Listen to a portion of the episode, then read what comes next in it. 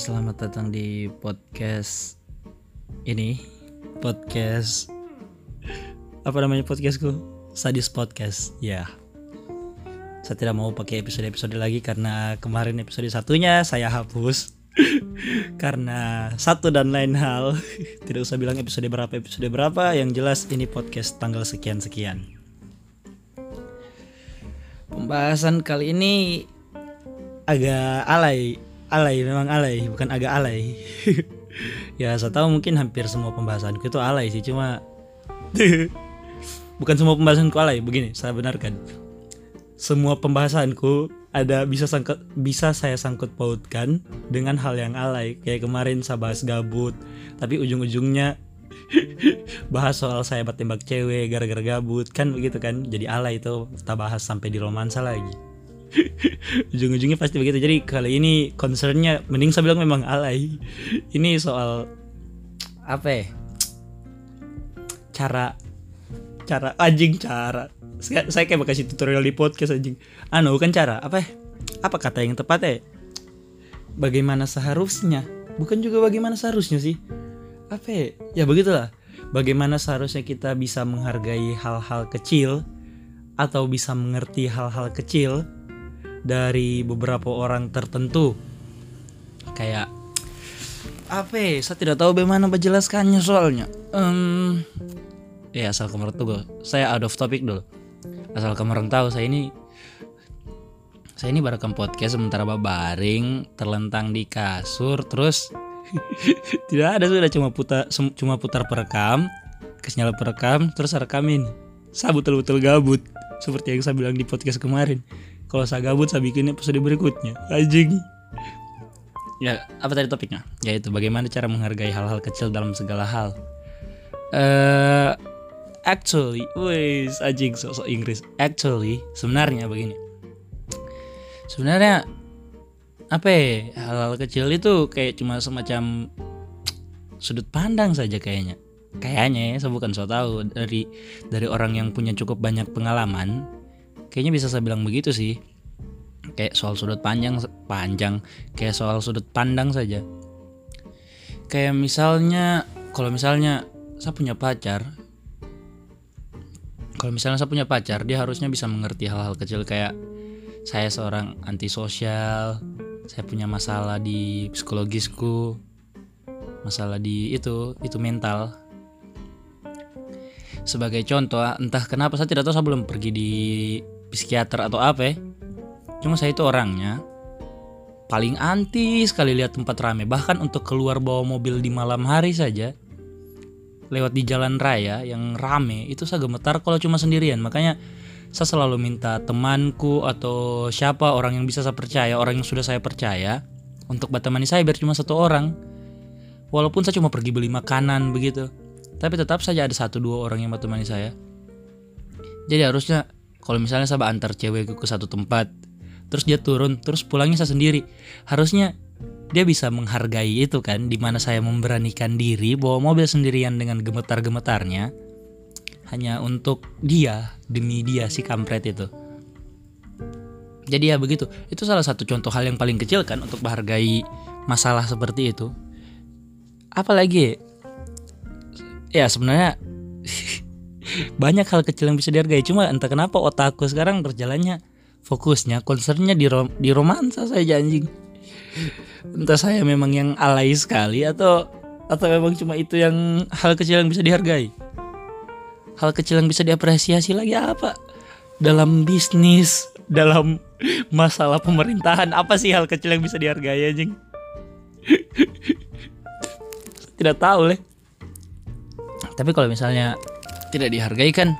Bukan berarti yang tidak dihargai juga harus merasa kayak terkucilkan bukan terkucilkan apa apa diksi yang tepat? Uh, kalau misalnya tidak dihargai juga bukan berarti dia tidak mau menghargai kan? Biasanya dia hanya tidak tahu kalau itu hal yang patut untuk diapresiasi. Kayak memberanikan diri terhadap hal yang betul-betul kita tidak bisa demi sesuatu dan lain hal. Nah itu kan hal yang patut untuk diapresiasi saja. Tidak minta betul-betul dihargai, cuma kayak lihatlah sedikit saya ini begini loh. Saya ini begini demi ini, saya ini begini demi itu. kan bisa saja begitu kan bukan berarti kita juga memaksakan diri sih karena kalau memang kita tidak ada kemauan harusnya kita tidak bakal lakukan hal itu tapi kita ada kemauan untuk melakukan demi satu dan lain hal terus atau kita ganti pembahasan saja? Soalnya saya malam ini bikin podcast saya tidak tulis. Saya tidak tulis poin-poin pembahasanku saya cuma ingin rekam suaraku. Ini salah satu bukti podcast itu sebenarnya sangat fleksibel. Kita tidak punya teori yang pas untuk apa ya podcast. Saya tidak saya, saya jarang dengar podcastnya orang lain. Saya hanya dengar beberapa podcast. Tapi kalau menurutku pendapat pribadi podcast itu kan kayak siaran pribadi kan. If you want to hear it then hear it kalau kamu mau dengar ya dengar kalau tidak ya tidak. Jadi sahabat cerita begini kan kalau ada yang mau dengar ya alhamdulillah. Kalau tidak ada yang mau dengar ya sudah. Yang penting saya sudah baca cerita sepuasnya biarpun cuma saya sendiri. Saya bisa cerita apa yang saya mau. Oke kalau begitu kita back to topic. Kita ganti pembahasan saja yang saya bilang tadi.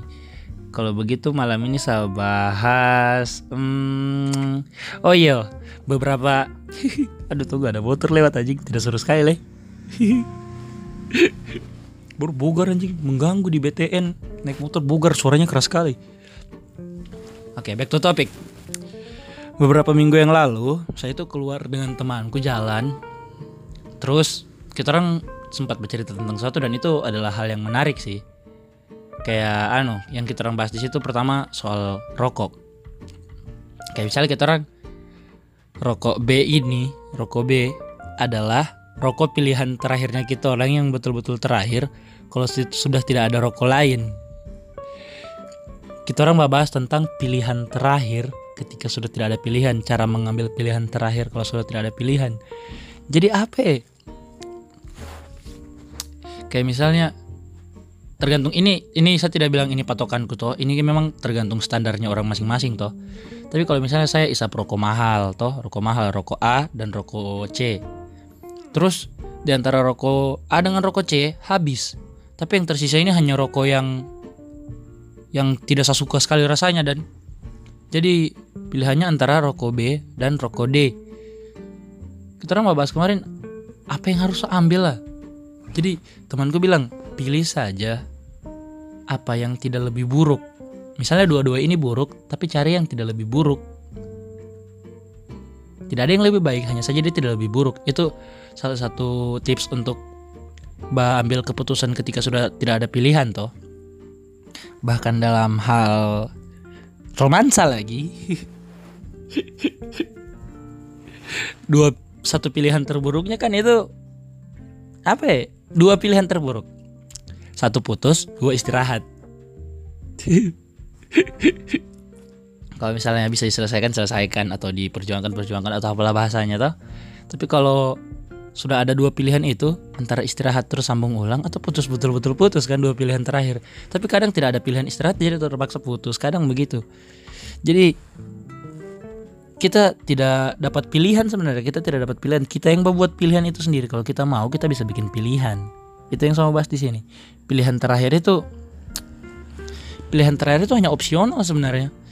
Ketika kau tidak mau buat pilihan dan kau ikut aturan-aturan yang sudah ada kan dari dulu kan semua orang begitu kalau ada begini pilihannya ini kalau ada begitu pilihannya itu. Tapi kan harusnya ini hal yang fleksibel kan tergantung orang masing-masing. Jadi harusnya kok bisa berpikir kayak oh kalau saya mau ini saya mau begitu dong. Saya tidak harus ikuti orang lain atau ikuti norma yang sudah ada sejak zaman nenek moyangku. We have our own mind. Kita punya pikirannya kita sendiri kan. Masa kalau misalnya ada sejarah tiba-tiba terungkap? Anjing kalau misalnya ada sejarah tiba-tiba terungkap. Ternyata nenek moyangmu itu 500 generasi sebelum kau. Yang laki-laki diwajibkan merit dengan tujuh perempuan. Wis. Kalau kau ikut dengan norma itu kan kayak uh, merit dengan tujuh perempuan.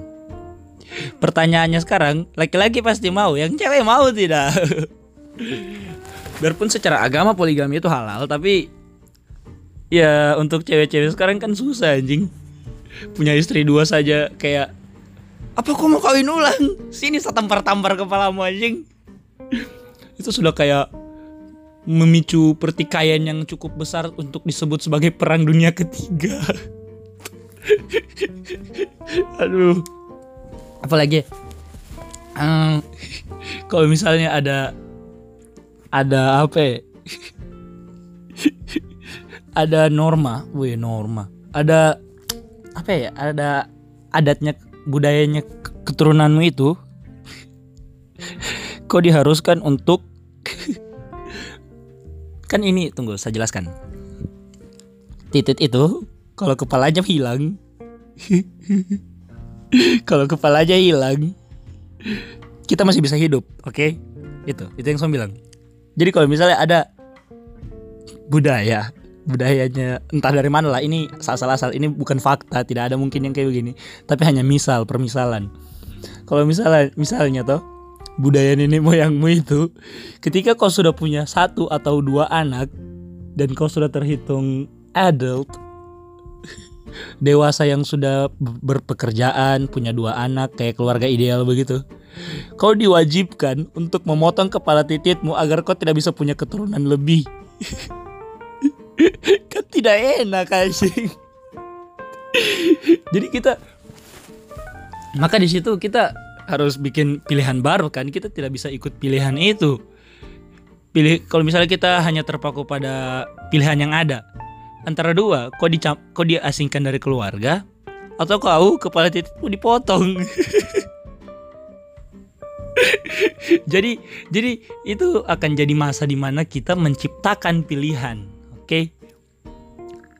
ini hanya anu hanya perumpamaan konyol dari apa ya imajinasi yang ada di otakku tapi percaya saya ini bisa diterapkan dalam banyak hal ketika ada pilihan-pilihan tertentu yang sudah disediakan sejak awal. Saya ulang, oke? Okay? Saya ulang, saya ulang apa yang saya bilang. Ketika di sana ada pilihan-pilihan tertentu yang sudah disediakan sejak awal dalam kehidupan, oke? Okay? Dan tidak ada satupun pilihan yang cocok dengan kau, maka kau berhak untuk menciptakan pilihanmu sendiri. Hidup itu fleksibel men. Ketika ada yang tidak cocok dengan kau kau berhak mengubah apa yang akan kau lakukan. Kau berhak kau berhak menentukan pilihanmu sendiri. Bahkan ketika kau tidak bisa menentukan kau harusnya bisa menciptakan. We're human kita itu manusia kan kita diberikan otak satu orang satu untuk berpikir. Bukan hanya berpikir dari pola pikirnya kita yang kita bentuk baik-baik kita bisa menciptakan sesuatu hal yang baru. Hal yang bahkan mungkin belum dipikirkan oleh 7 miliar orang di dunia ini kan? Siapa tahu saja ada satu satu apa ya satu pemikiran yang bisa kau ciptakan. Hanya dan akhirnya pilihan itu bisa mengubah dunia. It's it's amazing bro.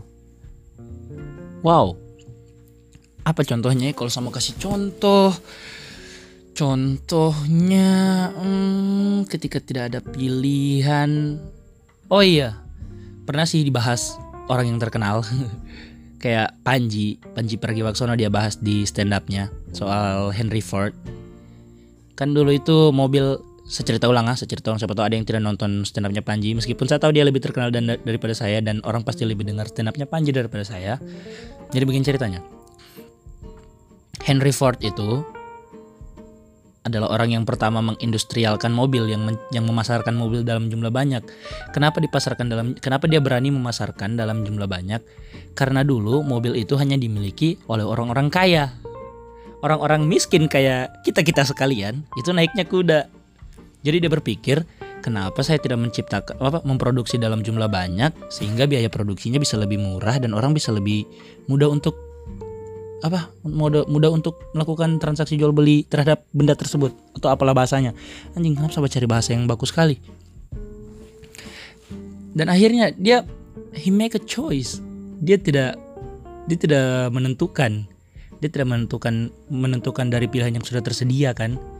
Kayak misalnya oh saya menciptakan mobil ini satu mobil supaya murah tapi tidak dipasarkan massal dalam jumlah yang banyak betul-betul banyak dia tidak apa ya dia tidak berhenti juga karena pusing. Akhirnya dia out of out of the box. Dia menciptakan dia memasarkan mobil dalam jumlah besar sehingga orang-orang yang ekonominya kayak kita bisa beli mobil. Itu salah satu contoh kan contoh besar sekali sebenarnya. Terus apa lagi? Eh, kalau kita kembali ke awal tadi kan semuanya selaras toh sudah selaras sekarang. Kita ada masa di mana kita harus menentukan pilihan yang tidak sesuai dengan pilihannya kita dan akhirnya kita harus menciptakan pilihannya kita sendiri. Live or not and then you stay. Itu dalam romansa begitu kadang kadang sih. Live or not and then you fight. Oke, okay, itu hal yang sangat sederhana sebenarnya untuk dibahas dalam hal yang kayak begini. Contoh pilihan lagi apa ya? Ini hal yang sederhana. Begini. Ketika kau dikasih pilihan capres 0102 dan tidak ada yang sesuai dengan hatimu. Oke, tidak ada yang sesuai dengan logikamu, tidak ada yang sesuai dengan keinginanmu. Jalan keluarnya apa? Ada dua. Ada dua. Yaitu golput. Aduh apa tadi yang saya pikirannya ada dua. Yaitu golput atau at, ya yaitu golput atau pilih salah satu calon yang tidak lebih buruk. Kayak yang saya bilang tadi. Pilih salah satu calon yang tidak lebih buruk. Ada dua pilihan yang terakhir pilihan yang pilihan yang seharusnya tidak dipilih Jadi kalau misalnya tidak ada yang bagus, tidak ada yang sesuai dengan keinginanmu, ada dua pilihan yang terakhir. Golput, tidak pilih siapa-siapa, atau pilih yang tidak lebih buruk. Tapi kalau kau menciptakan pilihan kan bisa saja anjing. Tapi memang yang namanya menciptakan pilihan itu tidak segampang membolak-balikan telapak tangan. Kalau kau berpikir untuk menciptakan pilihan kayak kenapa bukan saya yang jadi capres? Atau kenapa saya tidak cari orang yang namanya besar tapi sesuai dengan saya? Terus saya minta dia mencalonkan jadi presiden juga terus saya biayai begini begini saya danai ini ini ini ini. Kan akhirnya kau buat pilihan baru yang out of the box kan? Kau cari calon yang bisa balawan dua calon dua calon sebelumnya tadi. Artinya kan mencipt, kau menciptakan pilihan kan di antara 01 dan 02, kau akhirnya menciptakan 03 atau kayak yang terhormat Bapak Nur Hari Aldo dia tidak dia, dia eh, bukan dia bukan tidak anu sih tidak tahu mau pilih siapa dia hanya gerah melihat situasi demokrasi Indonesia yang sekarang. Akhirnya dia jadi kosong eh kosong. Akhirnya dia jadi nomor urut 10 begitu dan hanya untuk jenaka-jenaka saja. Tapi apa ya?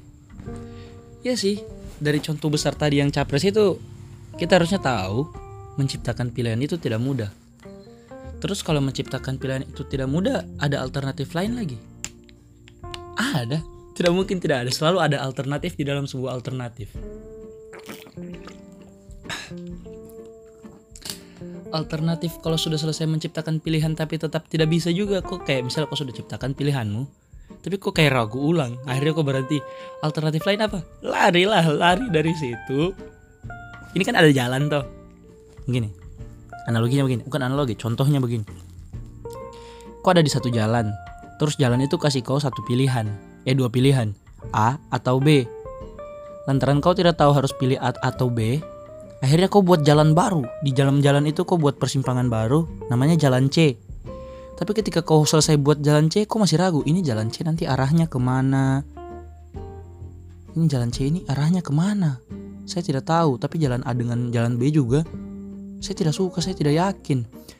Ya adalah putar balik mobil mungeng cari persimpangan di mana kau harus mulai segalanya terus belok di situ. Akhirnya kau ketemu jalan baru kan? Siapa tahu kau bisa ketemu dengan pilihan yang kau suka atau di jalan itu kau bisa membuat pilihan atau di jalan itu kau bisa membuat pilihan di mana pilihan itu adalah pilihan yang kau mau. Kan begitu kan?